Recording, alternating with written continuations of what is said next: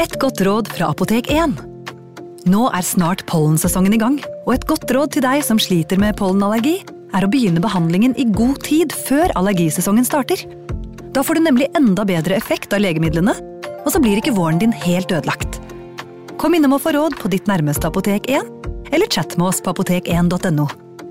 Apotek 1 vår kunnskap, din trygghet.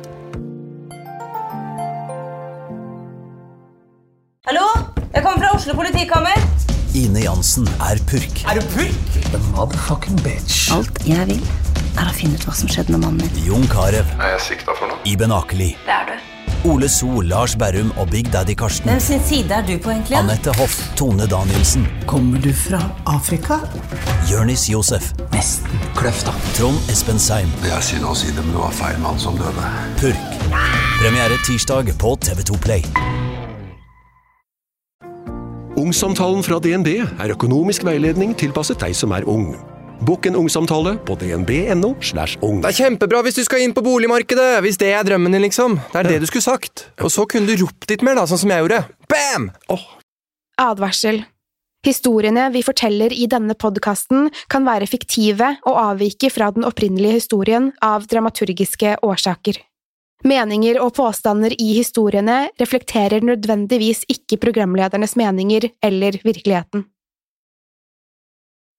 I forrige uke hørte vi historien Do Not Play the Elevator Game – Words from a Big Time Skeptic, eller Ikke lek heisleken – hilsen en stor skeptiker, oversatt til norsk, skrevet av brukeren ripped underscore geek. Originalt var den publisert på Reddits underforum Nosleep. I denne episoden kommer det to oppdateringer fra samme bruker. Gjennom de to oppdateringene fra ripped underscore geek skal vi også til en annen historie, med et annet slags rituale, kalt Mannen med hette, eller The Hooded Man på engelsk.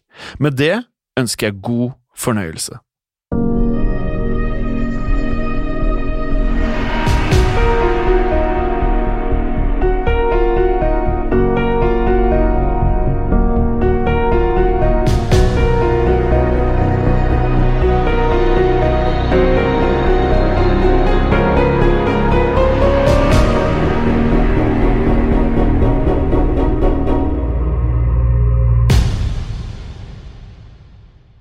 Forklarte situasjonen for han, og vi endte opp med å skrive frem og tilbake med hverandre.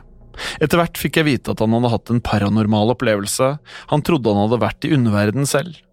Jeg ble nysgjerrig og spurte om vi skulle møtes neste dag, slik at han kunne fortelle meg om sin opplevelse. For å være ærlig, og dette nevnte jeg ikke til han, men grunnen til at jeg ville møtes, var fordi jeg ikke turte å høre historien hans mens jeg var alene i leiligheten. Det var kveld, og jeg skulle sove alene, som vanlig. Vi avtalte å møtes. Alex skulle komme på besøk til meg neste kveld. Jeg la krusifikset under hodeputen, slik som vanlig, og sovnet ganske fort. Ingen mareritt den natten. Ingen skumle ting skjedde i løpet av dagen. Rundt klokken ni på kvelden kom Alex på besøk. Det var helt mørkt ute. For å være ærlig så hadde jeg håpet at han ville kommet litt tidligere, for jeg ville ikke høre historien hans så nære leggetid. Men da jeg så ham, glemte jeg det bort. Det var så innmari lenge siden vi hadde sett hverandre, og vi drakk noen øl mens vi oppdaterte hverandre på hva som hadde skjedd siden sist vi møttes, før han fortalte meg om sin historie, sin paranormale opplevelse. Jeg, redd som bare det etter hendelsen i heisen, hang krusifikset opp på veggen over oss. Jeg hadde allerede lagt ut salt på strategiske steder i leiligheten, og mens han begynte å fortelle, satt jeg ytterst på stolen. Jeg kjente hjertet mitt dunke. Her er det Alex fortalte. Alex hadde nemlig interessert seg for det paranormale siden barndommen, for da hadde han opplevd noe forferdelig. Som liten gutt hadde han sett en kvinne hoppe i døden. Kvinnen hadde stått på balkongrekkverket i bygningen over gaten, og Alex så henne hoppe og lande på gaten. Han hadde tenkt mye på hendelsen, og en dag nevnte han det for moren sin. Da fikk han vite at bygningen over gaten var ubebodd og forlatt. Den hadde vært tom i flere år, for bygningen skulle rives.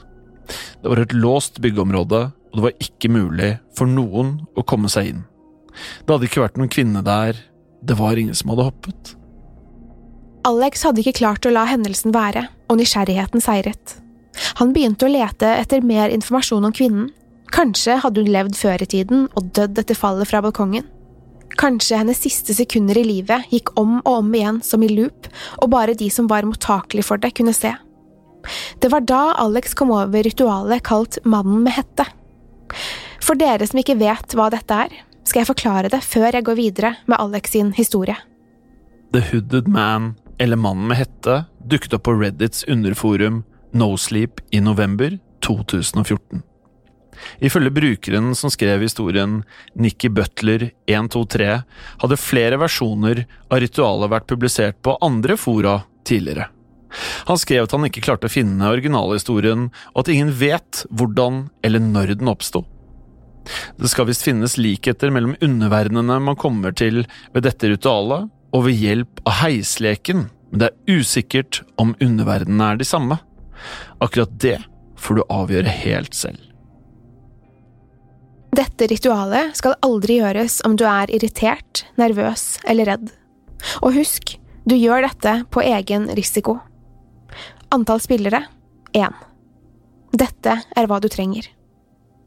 To svarte ledninger eller tau på 50 cm hver. Én telefon. Har du en av de gammeldagse med dreieskive, er det anbefalt å bruke en slik, da den gir best effekt. En vanlig smarttelefon fungerer også utmerket, selv om det beste er å bruke en litt eldre variant som ikke er trådløs, for da kan de by på problemer og vanskeligheter. Fyrstikker eller en lighter. En klokke, gjerne et armbåndsur. Salt. Instruksjoner 1. Gjør ritualet om kvelden. 2.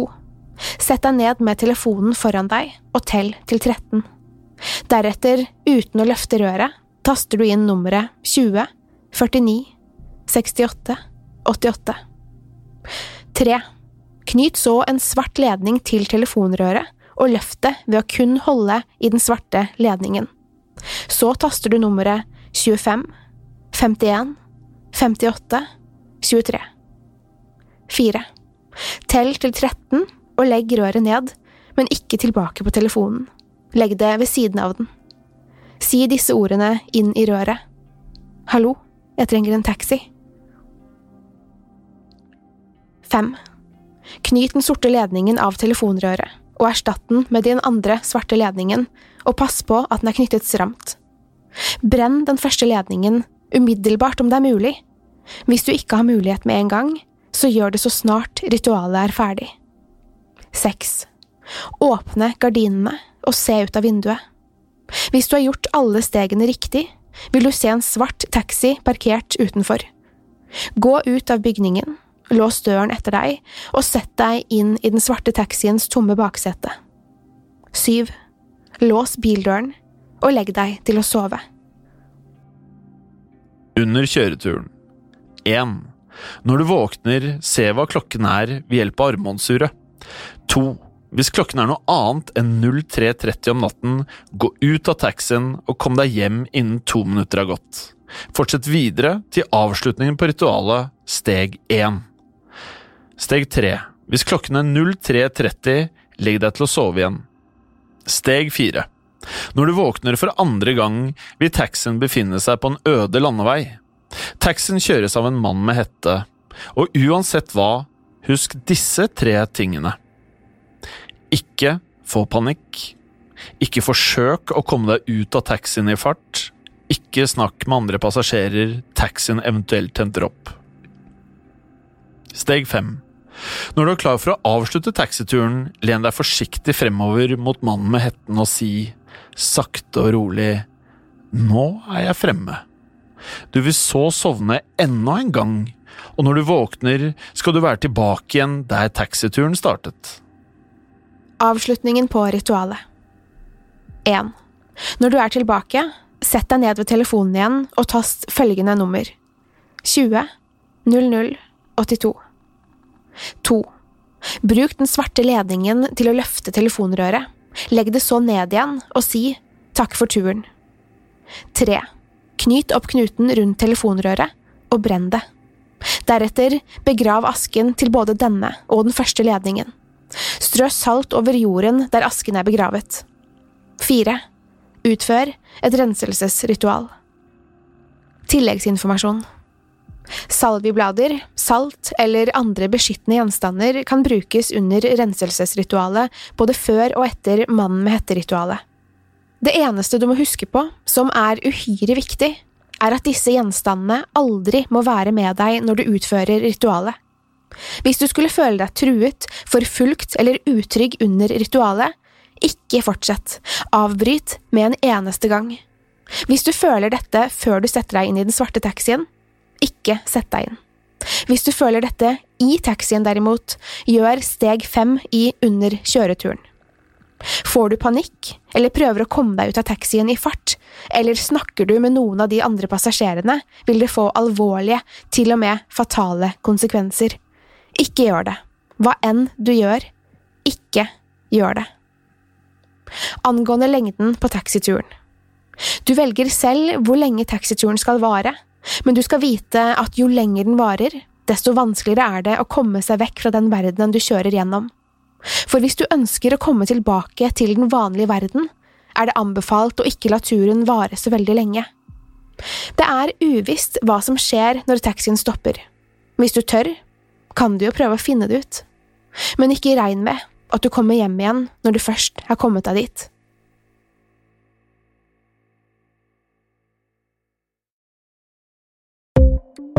Er du glad i Skrekkpodden, sjekk gjerne ut andre podkaster fra moderne media, som Historiepodden, Mørkeredd eller Truecrime-podden.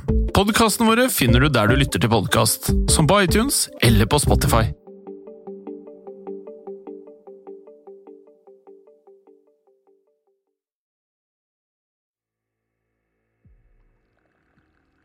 Alex hadde gjort hele ritualet. men svarte ledningen, telefonoppringningen, alt. Han hadde sagt at han ville ha en taxi og sett ut av vinduet. Og der hadde det stått en svart bil. Alex hadde gått ut og satt seg i baksetet, slik han skulle. Sovnet hadde han også. Da han våknet, sjekket han hva klokken var på armbåndsuret. Den var 03.33 og ikke 3.30 slik den skulle være. Reglene sier tydelig at man da skal gå ut av taxien og komme seg inn før det har gått to minutter. Men Alex tenkte at siden han ikke hadde sett på armbåndsuret med en gang han våknet, hadde det nok gått noe tid, og at han trodde klokken hadde vært 3.30 da han våknet. Derfor la Alex seg til å sove igjen, og ganske riktig våknet han mens taxien kjørte på en mørk landevei. Veien var så mørk, og han kunne ikke se noen skilter eller andre landemerker, bare mørk skog på sidene av veien. Det var en mann som kjørte, en mann med hette. Alex hadde blitt redd og kjente at han helst ville avslutte leken der og da. Likevel var det noe i han som gjorde at han ikke turte, ikke klarte. Han var som stivnet i bilsetet, han klarte ikke bevege seg. Imens Alex fortalte historien sin, gikk jeg inn på kjøkkenet for å hente meg enda en øl. Jeg kastet et blikk ut av vinduet og la merke til at det hadde blåst opp til full storm. Så rart, tenkte jeg, for det var meldt fint vær hele uken. Jeg hadde ikke lest eller sett noe om en storm. Det begynte også å regne kraftig, så man hørte de harde regndråpene treffe vinduene og ytterveggene. Vinden ulte og kom i voldsomme kast. Da husket jeg det. Jeg hadde glemt krusifikset ute i stuen. Jeg hadde jo hengt det over der Alex og jeg satt. Så fort jeg kunne, løp jeg gjennom gangen for å hente det.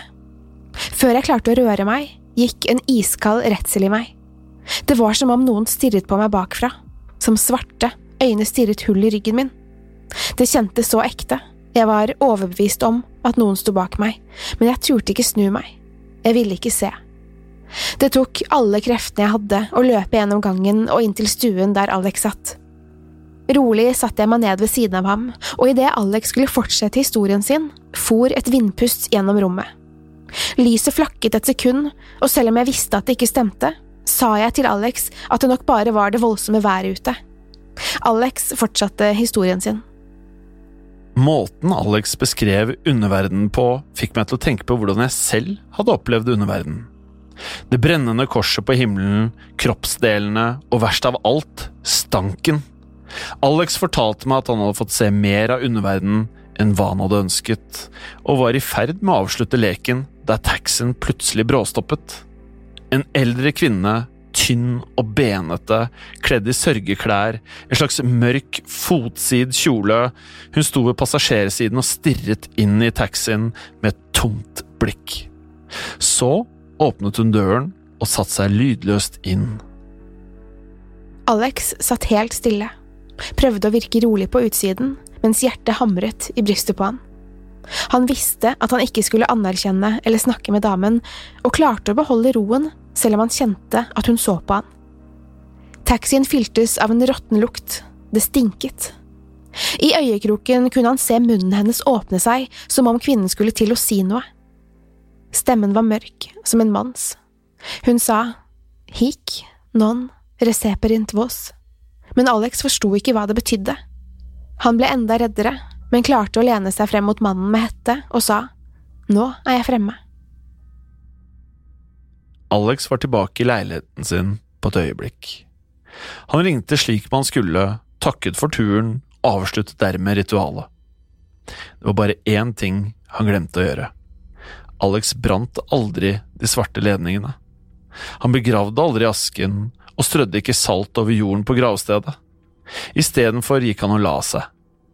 Neste morgen våknet han brått og husket med en gang hva han hadde glemt. Han skyndte seg å brenne ledningene, begrave asken og saltet jorden. Resten av dagen gikk han med en klump i magen, og da kvelden kom, skjedde ikke noe utenom det vanlige. Men da han skulle til å legge seg, derimot, hørte han et dunk utenfor vinduet. Alex kikket ut og frøs til is. Så redd ble han. Der taxien hadde stått natten før, sto nå den eldre kvinnen med den svarte, fotsidige kjolen. Alex stirret på den eldre kvinnen, som stirret tomt tilbake. Selv om øynene hennes var blasse, kjente han blikket hennes på kroppen. Hun stirret rett på ham, rett gjennom ham. I et forsøk på å hindre kvinnen i å komme inn, strødde han salt under alle vinduer og ved døråpninger. Han la seg i sengen med Bibelen i hendene og klamret seg fast i et tynt håp om at den skulle hjelpe. I ukevis følte Alex kvinnen i nærheten av seg, selv om han aldri så henne. Hun var som en stille fotfølger som alltid holdt øye med han. I øyekroken kunne han skimte henne, og den mørke silhuetten og det hvite, lange håret. Hver gang han snudde seg for å se etter henne, var hun borte. Det var da han forsto at saltet og Bibelen ikke kunne hjelpe han, og gikk sterkere til verks. Han fikk leiligheten velsignet av en prest, og kjente i dagene etterpå at alt begynte å føles normalt igjen. Bortsett fra at han kjente nærværet til kvinnen. En kveld etter å ha dusjet og speilet på badet dugget, så han en mørk skikkelse stå bak seg. Han snudde seg men hun var borte. Han kunne bare skimte henne i speilet. Herregud, utbrøt jeg. Det var akkurat det som skjedde meg etter heisleken. Jeg fortsatte og beskrev hva jeg hadde følt og opplevd da rommet vi satt i, plutselig ble veldig kaldt. Så kaldt at vi begynte å skjelve, begge to. Jeg skyldte på været, men da gikk plutselig lyset. Det var heisen. Jeg kunne høre dørene åpne seg der ute i gangen. Det betydde at strømmen i alle fall ikke hadde gått, for heisen virket jo. Vi kunne høre slepende skritt komme nærmere døren min, gjennom døren min og inn i rommet vi var i. Skrittene kom nærmere, men vi kunne ikke se noe fordi det var så mørkt. Og plutselig var lysene på igjen. Til min store redsel stoppet skrittene rett ved der krusifikset hang. Det var som om krusifikset hadde klart å stoppe henne. Jeg visste det var kvinnen fra heisen. Jeg kjente igjen stanken. Hun er her, utbredt Alex. Kvinnen fra taxien. Jeg lukter det. Vi så på hverandre, og jeg svarte at jeg var sikker på at kvinnen fra heisen hadde kommet. Kunne det være samme kvinne? Igjen skrudde lyset seg av, og vi hørte en slags høy pusting. Skrittene slepte seg nærmere mot oss, og jeg kjente at hjertet dunket så hardt at jeg var redd det skulle hoppe ut. Vi sto helt stille inntil veggen og hørte kvinnen nærme seg.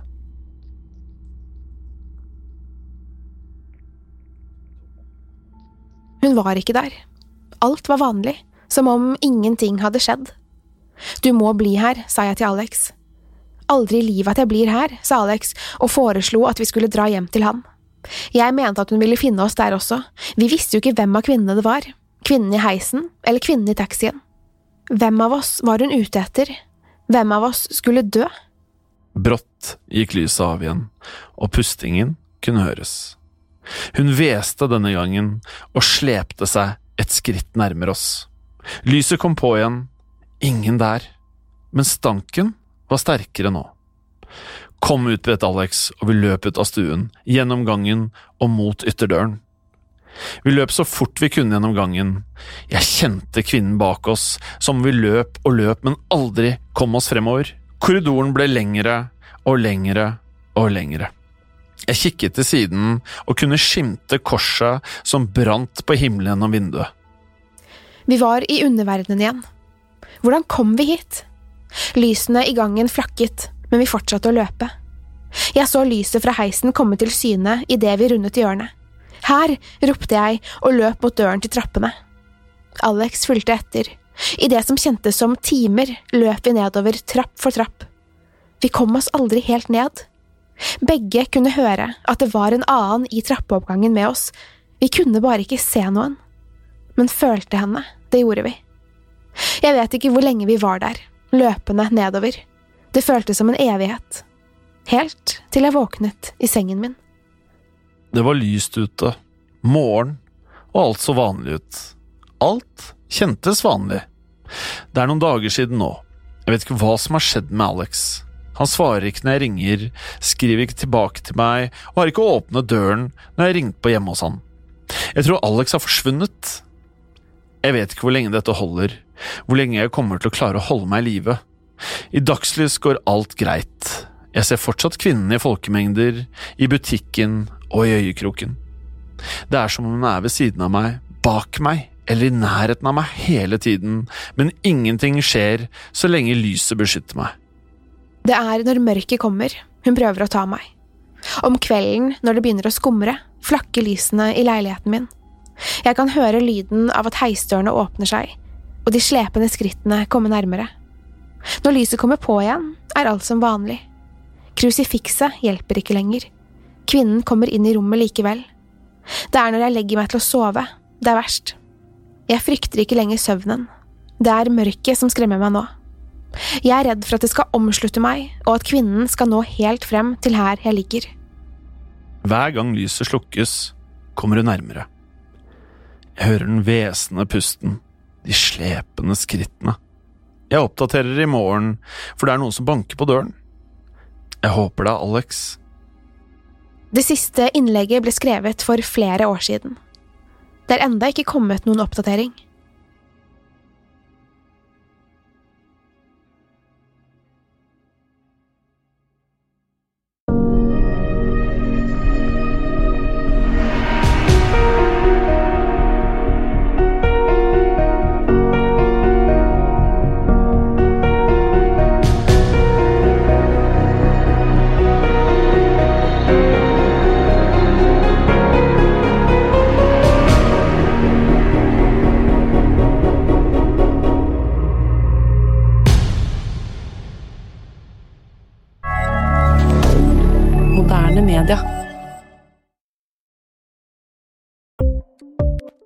Ukens annonsør er Folio, en smartere banktjeneste for deg som har en egen bedrift eller ønsker å starte for deg selv.